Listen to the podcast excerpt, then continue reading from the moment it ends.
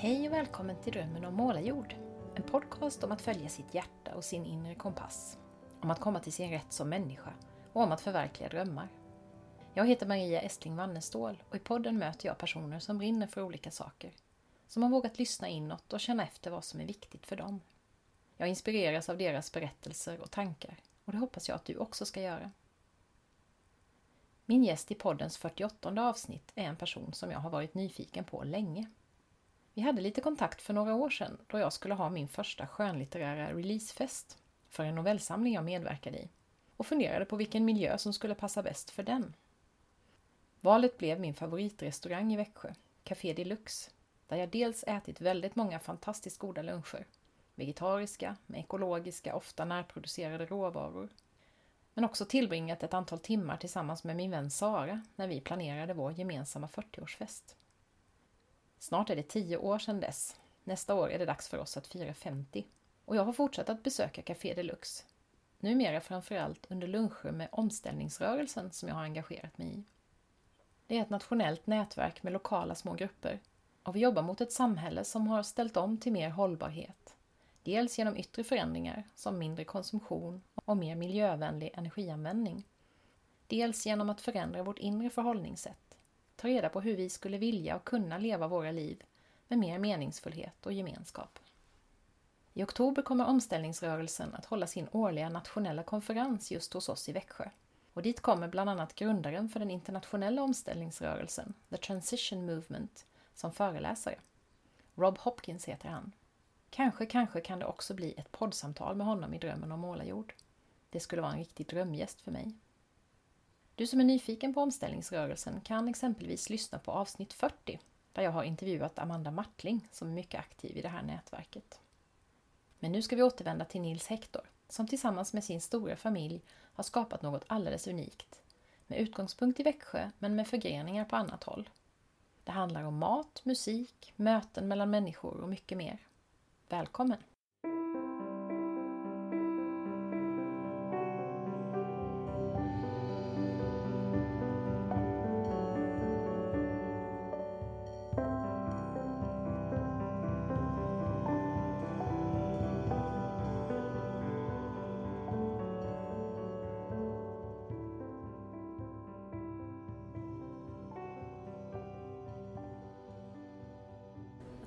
Skulle börja med att be dig beskriva Café Deluxe sådär jättekort för de som aldrig har varit här. Det är ju ett väldigt speciellt ställe. Ja, Café Deluxe, det hör man på, på namnet att det är ett café. Och sen är det Deluxe-paketet, det vill säga en ambitiös restaurang, en konsertscen, en mötesplats och för så bred, eh, så brett spektra människor som möjligt. Mm. Eh, nattklubb får man nog, det känns inte så skönt att säga men det är vi ju också faktiskt om sanningen ska fram. Det är platsen där eh, bankirer äter middag vid bordet bredvid eh, estetungdomar som delar på en kopp kaffe en hel kväll. Mm. En mötesplats för alla. Kanske. Ja. Jag välkomnar till och med de som jag tycker har osunda och tråkiga åsikter för att då tänker jag att de kan få, kanske kan vi stimulera dem mm. till lite nytänkande och lite öppnare sinnen. Ja. ja, vi ska prata mycket om Café Deluxe och familjen Hector tänker jag men allra först så är jag lite nyfiken på vad du gjorde innan. För det måste finnas ett före och efter Café Deluxe i ditt liv. Mm. Med ett sånt stort projekt. Vad gjorde du innan dess? Jag var väldigt noggrann med att inte skaffa mig något arbete. Jag pluggade ganska länge och utdraget och eh, sparsam som jag är så liksom studiebidraget räckte året runt inklusive ett par resor. Så att jag behövde, då behövde jag aldrig jobba någonting egentligen. Studerade i Spanien ett halvår och levde som en kung och tänkte att eller jag var ganska medveten om att någon dag i framtiden får jag ett jobb och tjäna pengar och ska betala tillbaks och då ska det kännas bra. Och nu känns det bra när jag har betalt tillbaks det mesta av de där pengarna. Mm. Mm. Om man ser liksom tiden strax innan Café Deluxe var också tiden efter lokalbar som var i min bror Gustavs projekt tillsammans mm. med Ramon Serrate och massa andra trevliga människor. Det gick i graven, kan det varit 2003, 2004. Då uppstod ett, ett kulturellt vakuum i staden för oss som gillar kombinationen fest och kultur. Eh, finkulturen har ju sin plats. Men, eh, så då var jag ganska aktiv i att arrangera saker och ting. Och gjorde spelningar i både Stadshotellet, Barock'n'Roll hade vi uppe i stora salen där. Mm. Och vi hade arrangemang här och där. Mm. I en förening som heter Glada Örat. Som lever kvar, som arrangerar festivalen Psykjunta nu bland annat. Men det du pluggade, var det sånt som liksom ledde fram till det här eller var det helt andra ja, saker? Ja, det kan man säga att det gjorde. Jag pluggade först teknisk fysik i en läsperiod och sen kände jag att det var så mycket, så mycket kunskap och så lite ifrågasättande. Och liksom, fanns inga, inga filosofiska stimulanser alls. Och sen la jag av där mm. med det ett halvår och levde någon slags partyliv och sen pluggade jag in de poäng jag var tvungen. Kommer ihåg, jag satt och räknade ut vilka kurser precis jag skulle gå för att inte bli av med mitt bidrag. Och så gjorde jag dem. Mm. Så på pappret gick jag teknisk fysik i ett år men det var väl mer två läsperioder av fyra. Sen läste jag eh, i Malmö istället produktutveckling och design. Mm.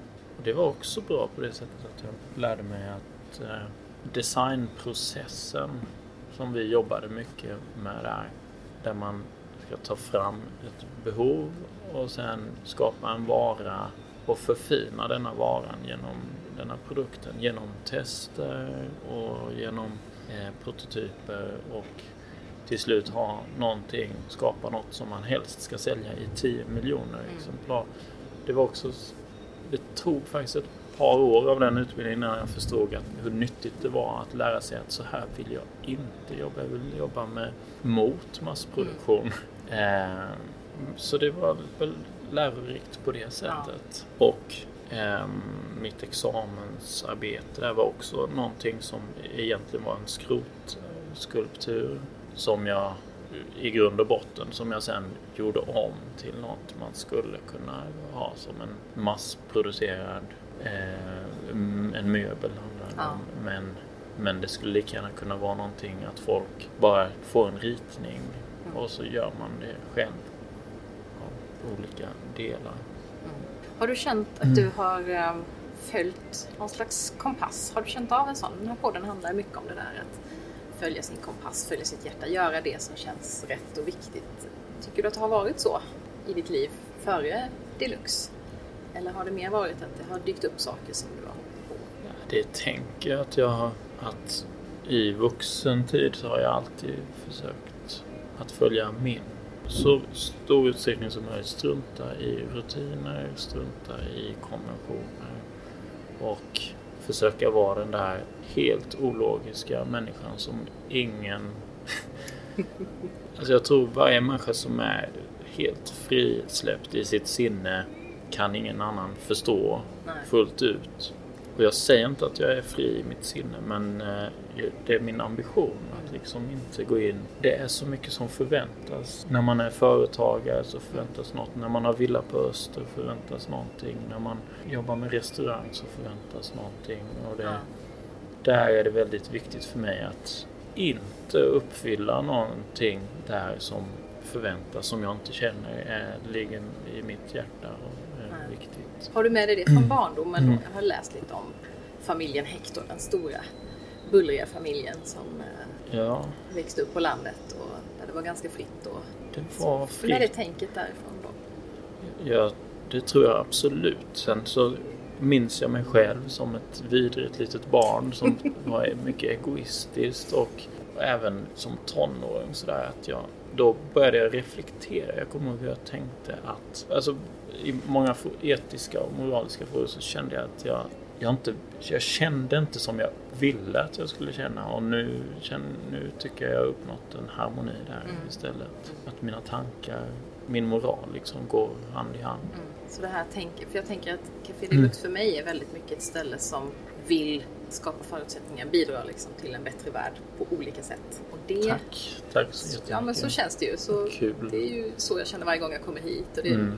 Man ser det i människorna som är här, det är många människor som är engagerade. Det är mycket aktiviteter som, som vill liksom göra någonting. Mm. Och det tänker jag att så var det som jag har förstått hemma hos dig också. Ja. Ett öppet hem, ett, eh, alltså att man kunde förverkliga och... det till synes omöjliga. Mm. Det fanns inga gränser så Nej. i mitt hem utan vi byggde motorbåt när vi var sju år och så byggde vi en skyskrapa i trädgården. eh, jag och Gustav och sen grävde vi swimmingpool dagen därpå. Mm. Alltså det här att göra verklighet. Det som du säger, det som gör Café Lux som jag känner det är jättestor del folk som kommer hit och vill, vill tillföra världen, vill tillföra staden någonting. Mm. Någon slags nisch, någonting. Och då är det en sån glädje att kunna bara få vara den som tar emot de här människorna och gemensamt hittar, kanaliserar liksom deras energi och kraft och försöker få det ut till vår publik. Mm. Och det finns ju massa olika delar i det här. Café Deluxe är ju en plats, en fysisk plats, men det är också en massa spännande aktiviteter. Basen är ju restaurangen kan man väl säga då. Ja. Vill du säga någonting om hur, hur kom ni på att det skulle vara den typen av eh, verksamhet ni skulle mm. pyssla med? För det var där allting började ju med den mm. Vi, vi, är tre här från början. Jag och min bror Gustav och så Jonas Letelier. Gustav och Jonas kom från lokal bar som jag nämnde mm. förut. Och de hade ju redan då ett, ett rent restaurangintresse. Mm. Medan, medan mitt intresse för restaurang var egentligen att det är en miljö där saker kan hända. Ja. Så för mig är restaurang det är bara en väldigt lämpad miljö. Café, restaurangmiljö. Det blir en, det är en bra mötesplats, en grogrund för tankar. Och, och sen har ni fantastiskt fin mm. mat här också. Det är ekologiskt, det är mycket närproducerat. Så att det finns ju en, en väldigt, eh, alltså bidra till världen aspekt i själva restaurangen också tänker jag. Tack igen. Ja. Eh. det är ju inte en restaurang som mm. vilken som helst som man går till här i stan utan det är ju hit man går om man vill ha den typen av miljö och mat. Ja, det är klart. Det är ju också en del av... Ja. Man försöker i minsta detalj liksom ja. göra det som känns bäst. för Det finns liksom hela tiden ett hållbarhetsperspektiv, tänker jag, som är mm. genomtänkt mm. alltifrån att maten är ekologisk till att alla är välkomna till att här ordnas aktiviteter som på något sätt skapar tankar mm. eller... Eh, Precis. Jag tror många känner hopplöshet inför det här att man, det är svårt att veta att Stellas eh, ostkaka eller liksom de lokala råvarorna från den lilla producenten att de är mer miljövänliga än det storskaliga som skickas över halva jorden. Mm. Det kan man inte säga svart på vitt. Och jag förstår, jag hör så ofta de som betviv, väl, väljer att tvivla mm. Och därför väljer konventionellt. Och vi kan inte heller vara säkra på att det är det bästa. Men det, det enda man kan göra är att göra ja, det man tror. Det man tror på. Men så tänker jag ofta mm. också. Att jag så... har i alla fall en tanke, jag har i alla fall en medvetenhet att försöka göra det bästa. Ja, precis. Och om alla gjorde det de trodde var det bästa. Om man skänker pengar till välgörenhet, även om man inte kan få svart på vitt att all, varenda krona går fram till ja. de som behöver det bäst. Visst skulle det bli betydligt bättre. Ja. Ja men det är lite det där mm. att då hamnar vi på plus på något vis. Ja. För att om alla gör någonting som är lite på plus eller åtminstone inte minus så, så plussar vi på ganska mycket. Ja. Tänker jag. Ja. Hur har resan sett ut? Alltså, jag tänker så här, man hittar en lokal. Mm. Man måste börja bygga någonstans en Mm. verksamhet. Hur har den... Har det varit en, en tuff resa liksom rent praktiskt att starta igång eller gick det Ja, vi smidigare? än du levde som någon slags gruvarbetare. Helt utan någon utan ekonomi Ja. instängda i en smutsig grotta i åtta månader eller någonting sånt Ja. var det innan. Ehm, det hela började med att Gustav jobbade som kock på Wibrovski som det hette. Mm. Som ligger där nuvarande Café Deluxe vardagsrum är. Och då var det fruktbutik i det finrummet där. Som stängde igen. Den lokalen blev ledig. Mm. En liten, riktigt sliten och sönderrenoverad lokal Ja. var det. Med, det var bland annat något enormt aluminiumparti som satt på detta vackra, vackra hus. Eh, som någon slags stöldskydd. Och det var stora moderna fönster och så vidare. Eh, gips på alla ytor och det var ingen trevlig. Nej. Men i vilket fall så fick vi veta om möjligheten att ta över den där lokalen. Det fanns ett förråd under och i den lokalen där vi sitter just nu som vi numera kallar gillestugan men som kanske andra skulle kalla för klubb eller dans eller konsertlokal. Så var det plats för 30 personer som kunde sitta och ha en liten vinprovning eller så här i anslutning till Wibrovski. Vi började gemensamt med Klaus och Blagoja i Wibrovski att bygga Café Bistro kallade vi det då. Eh, I finrummets lokaler. Och under resan så var det som att vi kom på lösningar. Här har vi alltså rivit tre stycken väggar för att få upp det här. Så det som vi trodde skulle vara en möjlighet att ha en trubadur för 30 gäster blev istället en rockscen för 140 Ja. personer. Och hyresvärden Per-Arne Ters var med och hade snickare som satte utskikt, och, alltså gipsskivor och lättare jobb och själva Ja. helt utan kunskaper men med bara en, en tro på att vi kunde klara allt så, så satte vi upp till exempel den här balken som du ser där. Den är kopiös. Den hittade jag på skroten här Ja. borta på Stena innan de flyttade från stan Ja. och köpte eh, billigt. Och den väger ju något ton eller sådär den som är här uppe. Och det var vi 20 25-åringar som höll på Ja. absurda projekt alltså och rev då den bärande väggen här.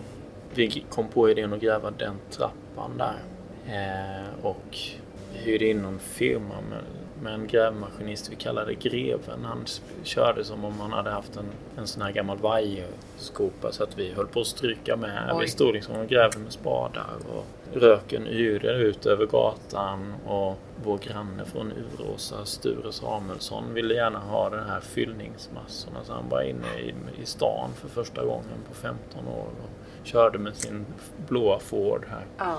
Det blev så här, vi tog de riktigt tunga, Ja. ja, ni har verkligen gjort allting från grunden. ja, på gott och ont. För mig är det en förutsättning att, att jobba med det här. Ni har att gjort det är själva, Lite som ja. en förlängning av ens egna person. Och så har ni Mm. inrett det med, det är en väldigt speciell inredning här också. Det är ingen massproducerad eh, restaurangmöblering Nej, precis. Nej, jag åkte på en Sverige-turné den sommaren innan vi startade och åkte på loppis med en tom stor Toyota Hiace eh, Ingmar Karlssons buss lånade jag och sen så var jag borta i tre veckor och kom hem och då var den helt full till bristningsgränsen av bara så här udda underliga föremål. Mm. Och det bidrar ju väldigt mycket till den här Ja, häftiga atmosfären här. Att det är ju som att komma, alltså det är ju inte som att gå in på en vanlig restaurang. Det är ju som att gå in i Nej. någons... Numera finns det ju en del. Det är rätt populärt att det ska se gammaldags ut och sådär. Men jag tror att de flesta som går på de här kedjorna eh, som jobbar med den, den estetiken ändå känner när man kommer till desserten om inte för att det här är inte riktigt på riktigt Nej. utan det är massproduktion av något som ska se. Som ska se så ut, ja visst. Men här har vi ju använt liksom byggnadsmaterial som är, som är gammalt, som Ja. är hantverk till skillnad från indu- dagens industriproduktion. Ja. Liksom. Det är, ger en annan autentisk känsla. Ja. Och sen utifrån den restaurangen så har ni utvecklat en massa olika ja, koncept kan man väl egentligen säga. Som är era egna. Ni har ju som du nämnde, det är nattklubb. Här finns eh, möjligheten att gå och dansa loss. Min Mm. dotter har varit här på roller derby disco. Ja. För länge sedan. Skridskodisco. Skridskodisco. Eh, och sen har ni ju haft mycket konserter, mycket Mm. musik. Och sen också många andra spännande grejer som jag tänkte du kanske ville säga några ord om. Ni har ju haft, eh, eller har, slöjd deluxe. Mm. Slöjdbar. Ja, är en sån? För den som inte har varit där. Det är helt enkelt slöjdbar. Man, man, det är drop-in. Man köper en kopp kaffe eller möjligen en pilsner. Det är mer det förstnämnda vi- eftersom vi har på söndagar. Och vi har någon som är ledare som visar lite tekniker. Och det handlar mycket om återbruk. Mm. Så sitter man och pysslar. Mm. Så det är som en liten syjunta fast på Ja, deluxe. precis. Vår tappning av syjunta. Och där är ju hemslöjden med. Ja. Och att det sker på samma Mm. plats som man har ett skridskodisco, det tycker jag är så alldeles fantastiskt just att det är de här, Mm. som du sa, alla är välkomna. Det är verkligen de olika, det är kontraster, det är mångfald på så Ja. sätt. Precis. Och det är väl de första åren så hade vi inte möjligheten till de här. För det är ju ofta skral ekonomi och det blir ju en investering i första hand i form av att jag sitter och gaggar med, med dessa eldsjälar i så jag lägger min arbetstid på det. Ja. Men det är ju en medveten investering som Mm. vi tycker är värt Ja. och som är viktig. Sen har ni vetenskap deluxe Ja, och då är det universitetet som kommer hit. Precis. Mm. Blir det nästa vecka på Earth Week.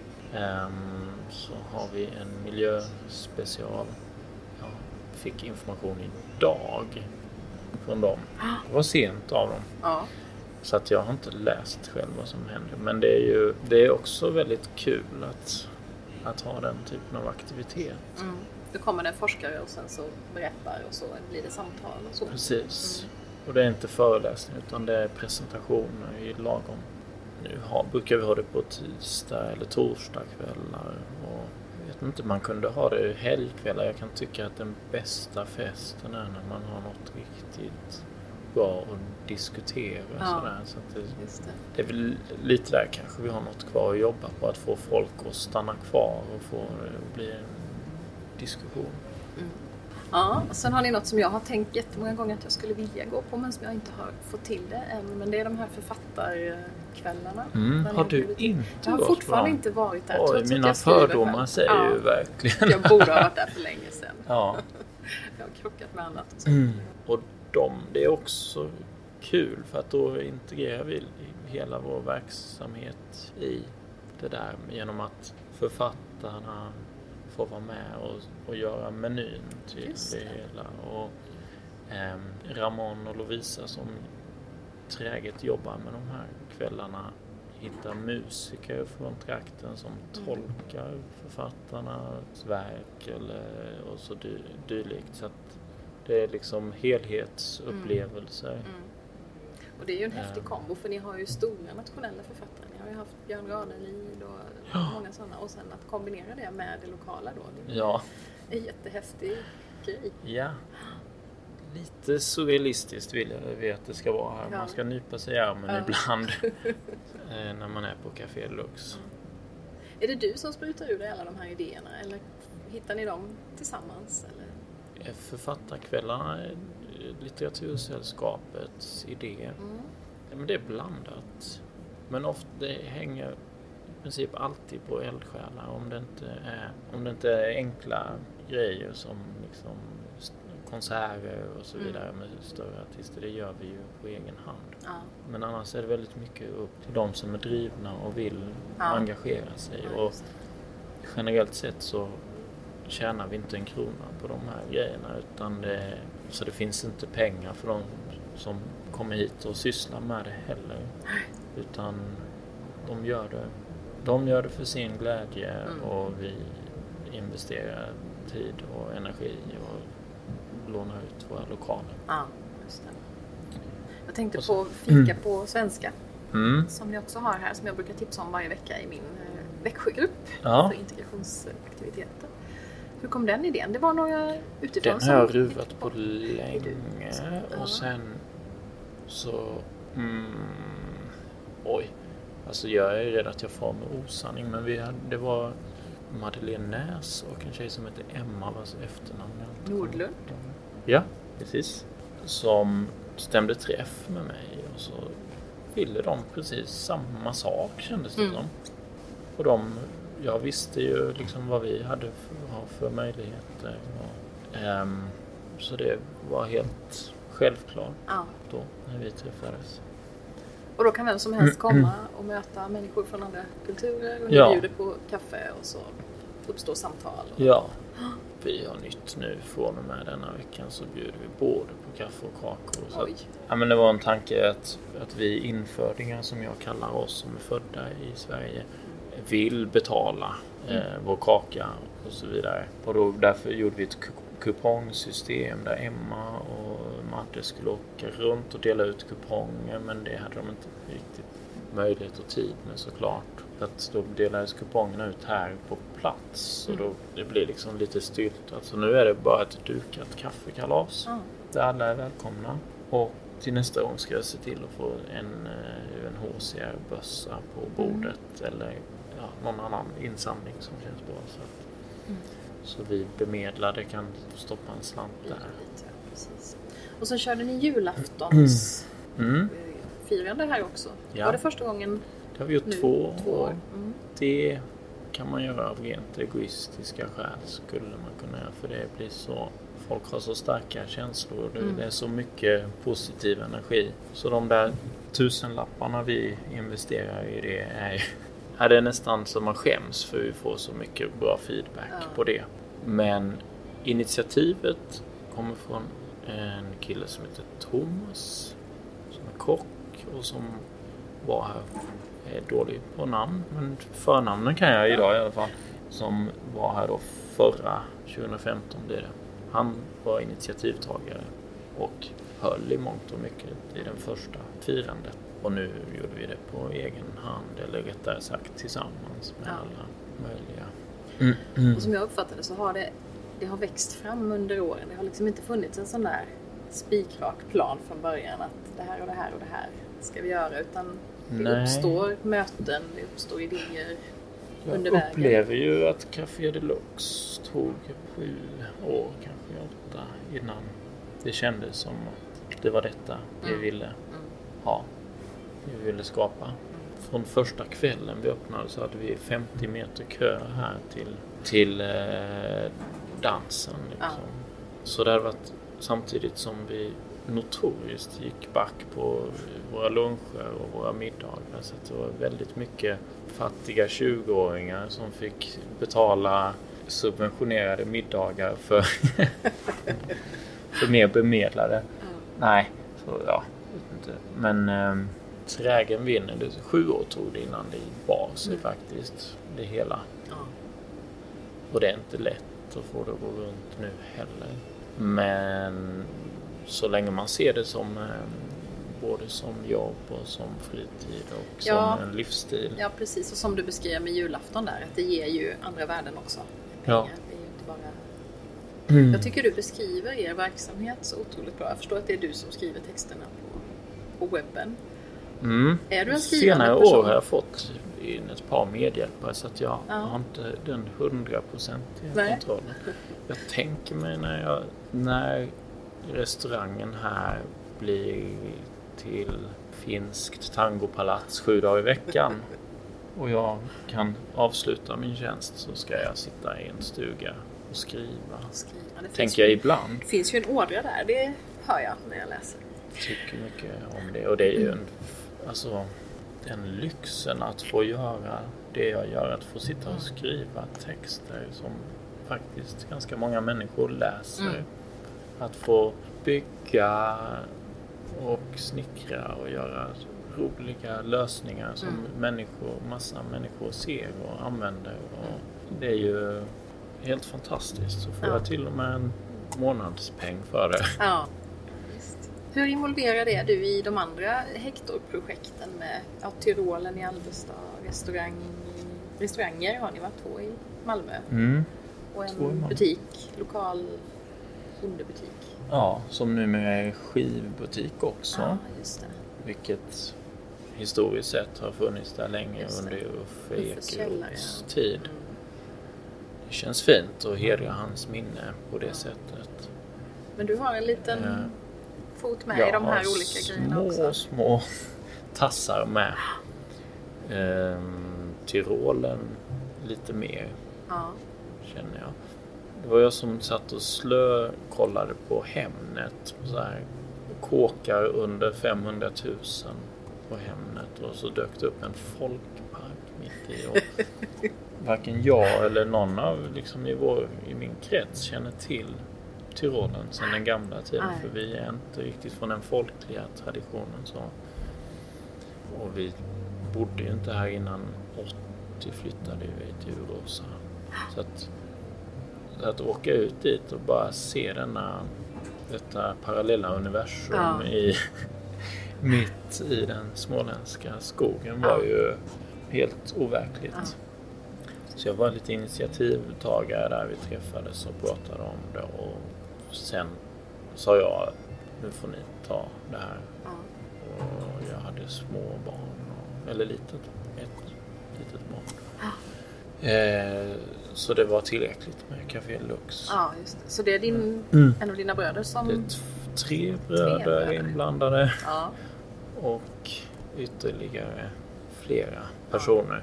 i och där är det mål. festivaler och alla möjliga roliga Ja, jippon och händelser. Ja. precis. Du, ni är ju en stor skara, Mm. Hector. Har ni tydliga roller? Vet ni precis vem som gör vad och så? Eller är det lite, flyter det lite emellan? Hoppar ni in för varandra? Fungerar det? Bra fråga. Vi, vi har nog ganska tydliga roller. Vi var ju på gemensam intervju för ett tag sedan. Och då visade det sig att vi tänkte lite olika där om Ja. vem som har vilken roll. Aha. Alla, eller det var väl ganska mycket att alla tänkte sin egen roll lite fel men sen kunde man se alla de andras.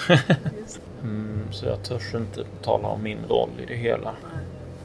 Men samarbetet funkar. Mm. Det är liksom, jag tycker det är så spännande det här med, jag jobbar ju också lite så med Ja. familjemedlemmar och Mm.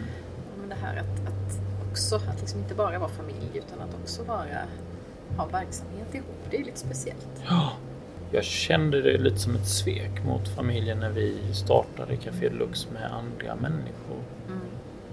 Faktiskt, det var rätt snart efter pappas bortgång. Ja. Men nu jobbar vi ändå ihop, Mm. allihop. Ni verkar vara väldigt tajta. Man Ja. ser alltid några har vi här när man är. Ja. Så. Mamma Hector är också här. Och Ja, hon är spindeln i spindeln nätet. Och hon odlar också grönsaker till restaurangen. Mm. Ja, Hon odlar i backen här. Ekobacken i Östrabo som alltså för mig känns som att Uråsa från min barndom har Ja. flyttat in mitt i stan. Ja, just det. Och det är också, jag nämnde inte förut vår, våra festivaler som vi jobbade med i Uråsa. Café Lux är mycket, bygger på ett experiment att flytta den filosofin och den, den arbetssättet Mm. in i stan, in i samhället i regel. Liksom, från att ha jobbat helt utan tillstånd och etc. Att vara myndigheternas bästa vän och Mm. göra ett experiment. Om det går att göra det lika innerligt och kärleksfullt trots alla regler. ja, just det. Det är mycket man måste förhålla sig till. Så. Ja, Jag hängde på Uråsafestivalen för många, många, många år sedan så jag minns Ja. ju den. Just den här otroliga värmen och att man kände sig, Mm. vi kom ju utifrån men man var så välkommen ja, man kunde dansa i det här huset där det bågnade. ja. man stod under och såg hur, hur golvet, eller taket då, ja. rörde sig och så. Det var så stämning. Så det är ju, det är ju en ynnest att få det Ja. hit in där man kan fånga upp många fler. Mm. Det var där jag och Gustav började med att liksom sälja våffelmackor. Ja. Eller varmkorv inne i Ingmars hus var det ju Ja. då som det var Ja, liksom fest med hundratals Ja, människor visst. och hela nätet. Fantastiskt. Mm. Om du skulle säga vad som är det allra bästa med det du gör, vad tycker du? Jag kan nog inte säga det. Jag tycker det är nog som liksom ett helhetspaket. Mm. Där jag upplever det i alla fall att eh, jag lever ett rikt och fantastiskt liv. Med, där jag får vara mycket med mina barn och min familj och göra roliga saker nästan hela tiden. Mm. Så jag kan nog inte säga peka ut det bästa. Det är helheten. Det är väldigt bra att sitta med någon som du förstås som komplimerar. att man känner... För vi har ju vi har sån stor variation på gäster här så att det är ju många Mm. som inte alls förstår Nej. vad vi tänker. De kanske har en positiv bild av det här stället men som inte alls har liksom penetrerat våra tankar på Nej. samma sätt. Och det, men det känns ju väldigt viktigt Mm. stärkande. Finns det baksidor också? Mm. Blir du less ibland? Det måste ju vara extremt intensivt också. Ja, jag tänker att den dag jag gör något annat så kommer jag vara glad för att jag kan ha en ledig dag. Mm. Något extremt undantag har varit så här i äktenskapskris när jag har stängt av telefonen liksom i en, veckas tid kanske. Men Mm. annars är det varje dag Ja. jobb. Och Året du är här fysiskt på plats också? Nej, det är jag Det är inte. inte? Och egentligen skulle jag inte behöva vara här Nej. så mycket men jag, jag har nog något behov av att vara här. Mm. Men det är ju För ett hem mesta. också såklart, för du har ju din familj här också. Så Ja, det, det, det allra mesta av mitt arbete kan jag göra i, eh, på ett café eller på Honolulu eller Mm. vad som helst där jag har lite internet helt enkelt. Ja. Framtiden, hur tänker du nu? Har ni nya projekt på gång eller ska ni Ja. befästa dem som... Ja, det är klart. nya idéer. Ja, oavsett om det förverkligas eller ej så tror jag att det är en förutsättning att vi alltid har att man alltid har det i huvudet. Ja. För att gå och tänka att nu har vi det så bra så det får vara. Det finns nog inte. Inte i min hjärna i alla fall. Så vi Växjöbor kommer att få upptäcka nya sidor av Café Deluxe framöver. Det hoppas jag. Mm. Absolut. Tack så hemskt mycket för du tog dig tid i ditt intensiva restaurangägar, verksamhetsutvecklarliv Ja. och komma hit och prata med mig i podden. Ja, det var du som kom hit. Så var det. Ja, Fast du är här i mikrofonen Ja. nu. det, jag kom till din mikrofon. Ja, Tack så mycket. ja tack själv.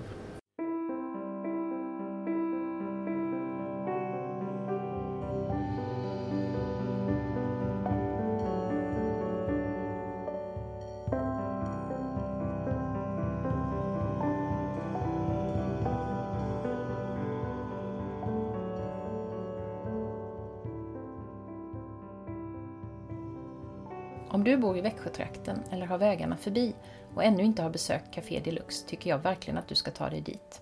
Antingen för att bara äta eller för att delta i något av alla deras spännande evenemang. Och lyssnar du på det här avsnittet senast den 6 juni 2017 då är du välkommen att fira nationaldagen på ett lite annorlunda sätt. Café Deluxe ordnar nämligen en internationaldag. Det blir musik med bandet Kultiera, som har medlemmar från Palestina, Syrien, Sudan och Sverige och möjlighet att fika och snacka med någon du aldrig har träffat förut, kanske från en annan kultur än du. Jag älskar sättet som familjen Hector jobbar på och känner igen så mycket i hur mitt eget yrkesliv har utvecklats de senaste åren. Det här med att låta olika projektidéer få dyka upp och växa lite organiskt sådär. Det tilltalar mig så mycket mer än tydliga affärsplaner. Jag tror ju mycket på att inte planera sitt liv allt för detaljerat framåt. Visst kan visioner och mål vara bra i många fall. Men om vi är helt fokuserade på dem, på att driva framåt i ett spår, är det så lätt att missa roliga små kringelikrokar längs vägen och nya dörrar som öppnar sig åt håll som vi inte alls hade i tankarna från början. Så mycket av det jag gör idag som aldrig skulle ha hänt om jag från början bestämt mig för vad mitt företag skulle fokusera på. Därför håller jag inte riktigt med dem som säger att man ska välja ett fokus och hålla sig till det. Det kanske passar vissa, men det passar definitivt inte mig. Att det däremot finns en grund, någon sorts kärna i allt jag gör, känns däremot viktigt. Den kärnan kanske inte är jättetydlig för alla andra, men så länge den är det för mig så är jag nöjd. Så får människor tycka att jag är en hoppjerka och mångsysslare och att min verksamhet är spretig om de vill det. Själv vet jag ju vart min kompass pekar. I fokus för mig just nu är bland annat kursen om just det här med att följa sin inre kompass som jag ska hålla på Grimslövs folkhögskola veckan efter midsommar. Jag tror att det fortfarande finns några platser kvar om du skulle vara intresserad. Men hör av dig snabbt i så fall. Information hittar du på Drömmen om Målarjords webbplats.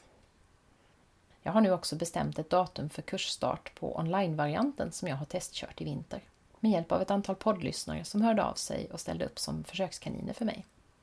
Och det går fint att preliminäranmäla dig till min e-postadress maria.livstid.nu redan nu om du skulle vara intresserad. Anmälan är inte bindande. Jag kommer förstås också att berätta mer när kursstarten närmar sig. En annan rolig nyhet i mitt liv är att jag äntligen har kommit igång med min nästa roman, uppföljaren till Lex Katarina. Kristi himmelfärdshelgen tillbringade jag på Öland, på den femte skrivretreaten jag arrangerat där. Det blev som vanligt en helt magisk upplevelse, kanske den bästa någonsin för mig. Jag stannade en extra dag den här gången och hade därmed två heldagar och en halvdag för att skriva, yoga, meditera, promenera, ha fina samtal med mina skrivkompisar. Med mig dit hade jag en ganska lös plan för vad min bok skulle handla om efter att en konstig titel dykt upp en kväll när jag låg och just skulle somna. Med mig hem hade jag en välstrukturerad översikt av kapitel och scener, bilder på alla mina karaktärer och ungefär 20 sidor skriven text. Det är någonting som händer med mig när jag lyfter mig ur mitt sammanhang, min vardag. Jag blir på samma gång så oerhört avslappnad när jag inte har någon annan än mig själv att hålla ordning på och extremt kreativ och produktiv. Det är en häftig upplevelse och jag längtar redan till nästa gång vi kan åka till Öland. Kanske några av er som lyssnar vill följa med då. Nu ska jag avsluta här och ta ännu en långhelg. Tack för att du har lyssnat och välkommen tillbaka till nästa avsnitt. Då ska du få möta Stina Balkfors som är en av grundarna till en verksamhet med det spännande namnet Tillitsverket. Vi hörs snart igen. Hejdå!